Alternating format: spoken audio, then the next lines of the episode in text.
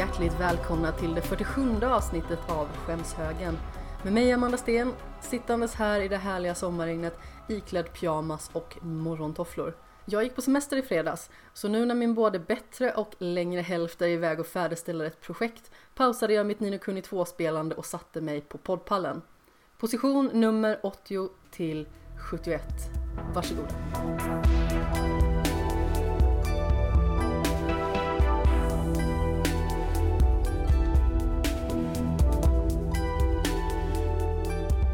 Position nummer 80. Boxboy plus Boxgirl. Två kuber är sannoliken bättre än en. Detta samarbetsmässiga pusselspel är ett väl avvägt kooperativt äventyr. Det är så pass utmanande att svårighetsgraden inte känns överväldigande, men inte för svårt som ofta resulterar i att spelaren känner sig dum. Som varsin box ökar förmågorna och därmed möjligheterna att samarbeta för att kunna passera de hinder man stöter på under banornas gång. Koppla in switchen, fram med handkontrollerna, fånga en kompis och slå era kloka fyrkanter ihop.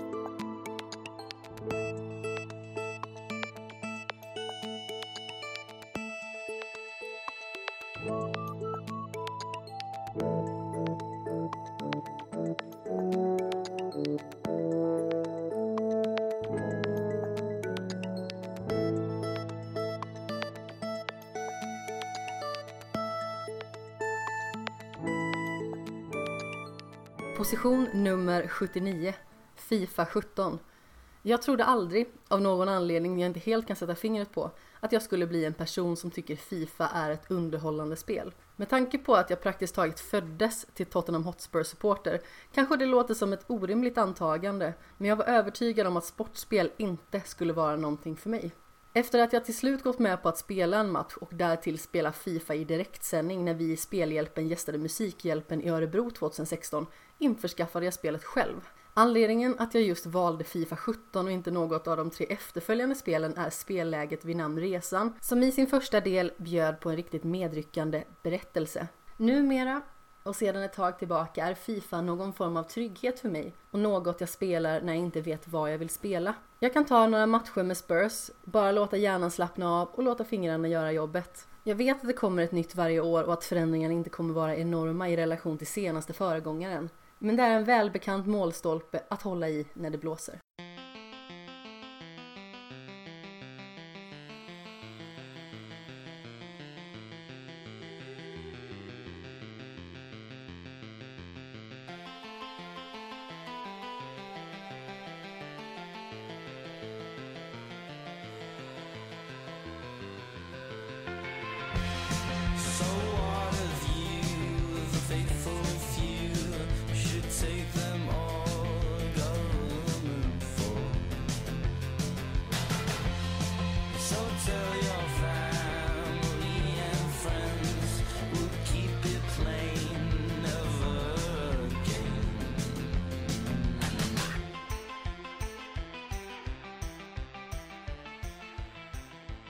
Position nummer 78 PT.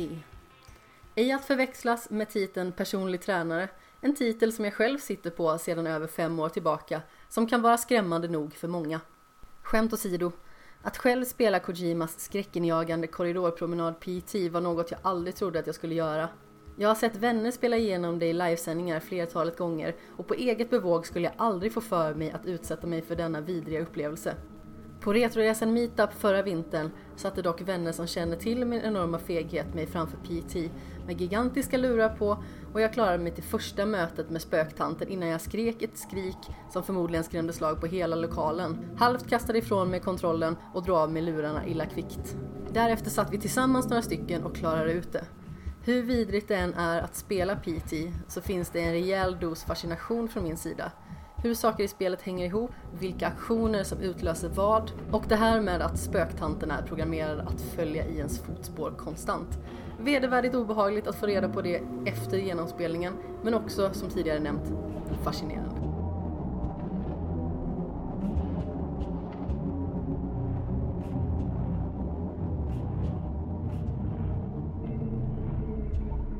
Position nummer 77, Absu. Absum må vara ett spel som på många vis känns som att det försöker vara ett journey under vatten. På På så vis är det lätt att ställa ett så unikt spel som Journey mot ett senare släppt spel och därmed blir det lätt att nedvärdera senare nämnda spels prestation. Visst, det är inte Journey, men det är fortfarande en vacker djupdykande upplevelse som mjukt sveper med den längs med strömmen.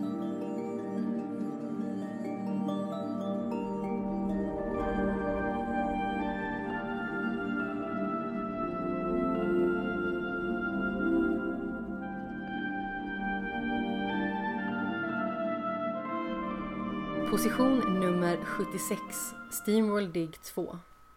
Av Göteborgsbaserade studion Image and Form-spel är det Steamworld Dig-spelen som jag känner minst för och då är de ändå väldigt bra. Det säger väl snarare en hel del om hur mycket kärlek jag hyser till de andra spelen som, spoiler, kommer någonstans senare i listan. Steamworld Dig var ett mycket underhållande mini-Metroidvania jag tog mig an på min Playstation Vita. Steamworld Dig 2 tog jag mig an på en stationär konsol och det var inte bara skärmen som var större och bättre, utan även spelet. Mycket av samma, men också mycket mer av det goda.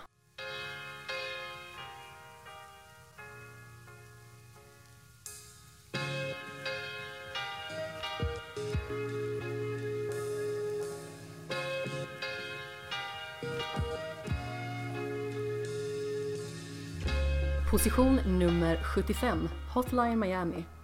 Jag har aldrig hävdat att jag är bra på videospel, snarare motsatsen. Det är dock något med svåra tvådimensionella spel som gör att en nästintill outplånlig envishet och ett par djävulshorn tittar fram. Det gäller bara att göra om, om och om igen, tills man gör rätt. Göteborgsbaserade Denaton Games Hotline Miami är ett sådant spel. Svårt för att det är svårt och inte för att det är dumt. Svårt på rätt sätt.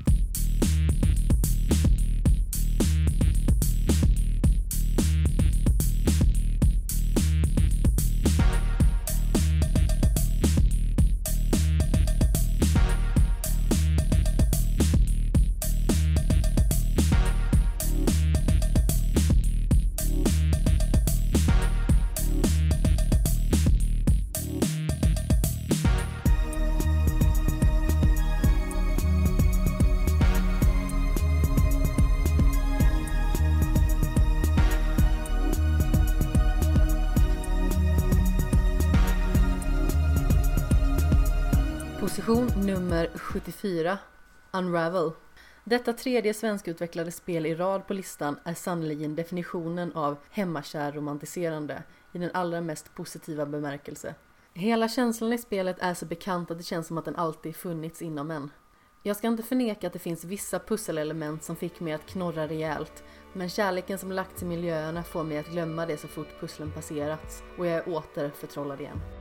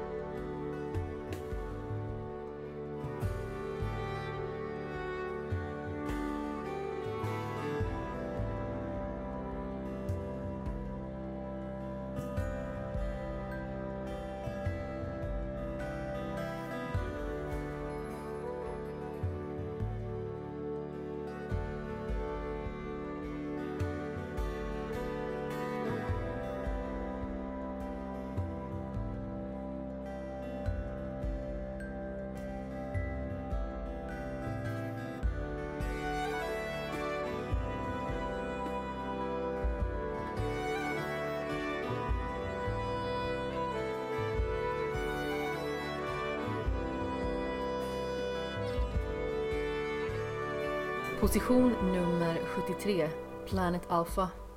Denna väldigt anonyma danska titel upptäckte jag i fjol när jag var Sveriges representant i Nordic Game Awards-juryn. Spelet fångade mig redan från start och fick mig att hålla andan genom inledningens gåshudsframkallande, utelämnande mystik. Det är onekligen synd att detta kosmiska äventyr i en värld vi tidigare ej skådat med makalöst vackra vyer verkar ha passerat nästan hela spelvärlden förbi. Men jag kämpade åtminstone för att spelet skulle få utmärkelsen bästa debutant och att några nyfikna nördar skulle snappa upp denna rymdpärla.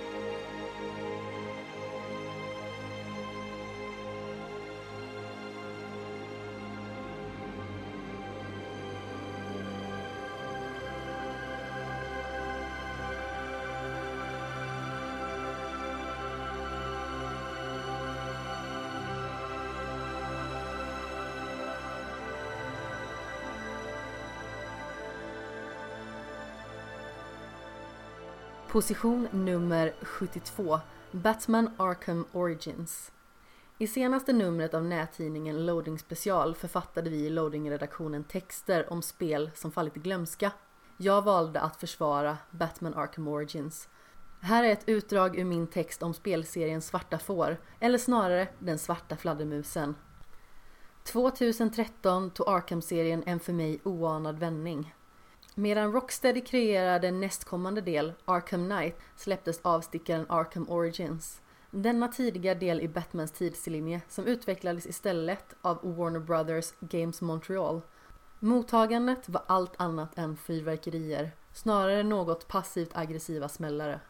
Spelet fick mycket kritik för att enbart replikera föregångarna och inte bringa innovation eller inspiration till bordet samt utföra onödiga modifikationer.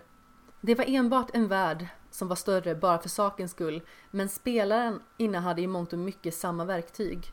Slut på citat. Absolut, det går att kritisera Batman Arkham Origins på en hel del punkter, men det är också ett spel som besitter ett intressant upplägg och en berättelse som skildrar den fascinerande kopplingen mellan Batman och hans ärkefiende Jokern på ett alldeles fenomenalt vis.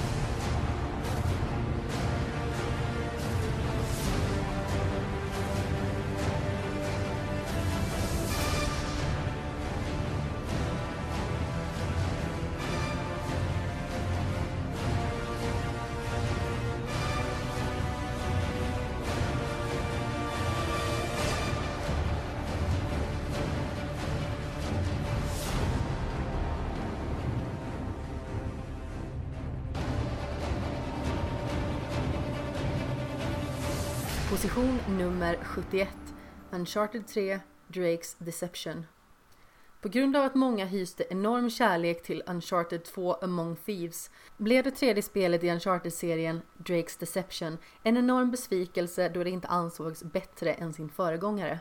Personligen finner även jag Among Thieves snäppet vassare, men jag anser även att Drakes Deception är ett toppenspel.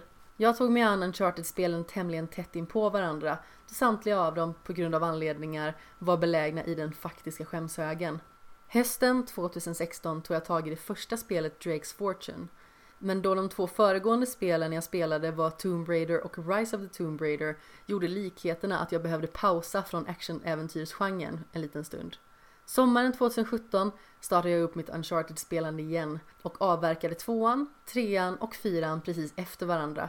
Och det som verkligen fastnade hos mig i tredje spelet var inblicken i Nathan Drakes förflutna och vilken viktig roll Sullivan spelat i hans liv. Vad jag verkligen tycker om Uncharted är att under seriens gång blir spelen mer personliga och med det går huvudkaraktären från en putslustig, skön snubbe till någon som har mer djup än vad ögat först kan se.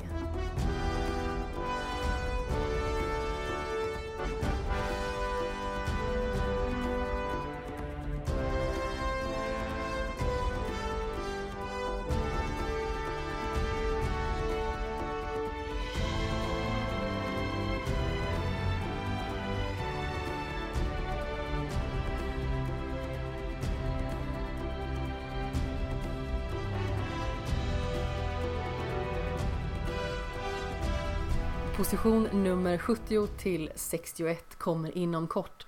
Om du har frågor, funderingar, förslag eller önskemål finns skämshögen på sociala medier i form av snabla skamshogen eller via elektronisk post till skamshogen gmail.com. Tänk på att hålla avstånd och ta hand om varandra. Virus tar inte semester bara för att vi gör det. Puss! Eller ja, kanske släng puss i ljumsken.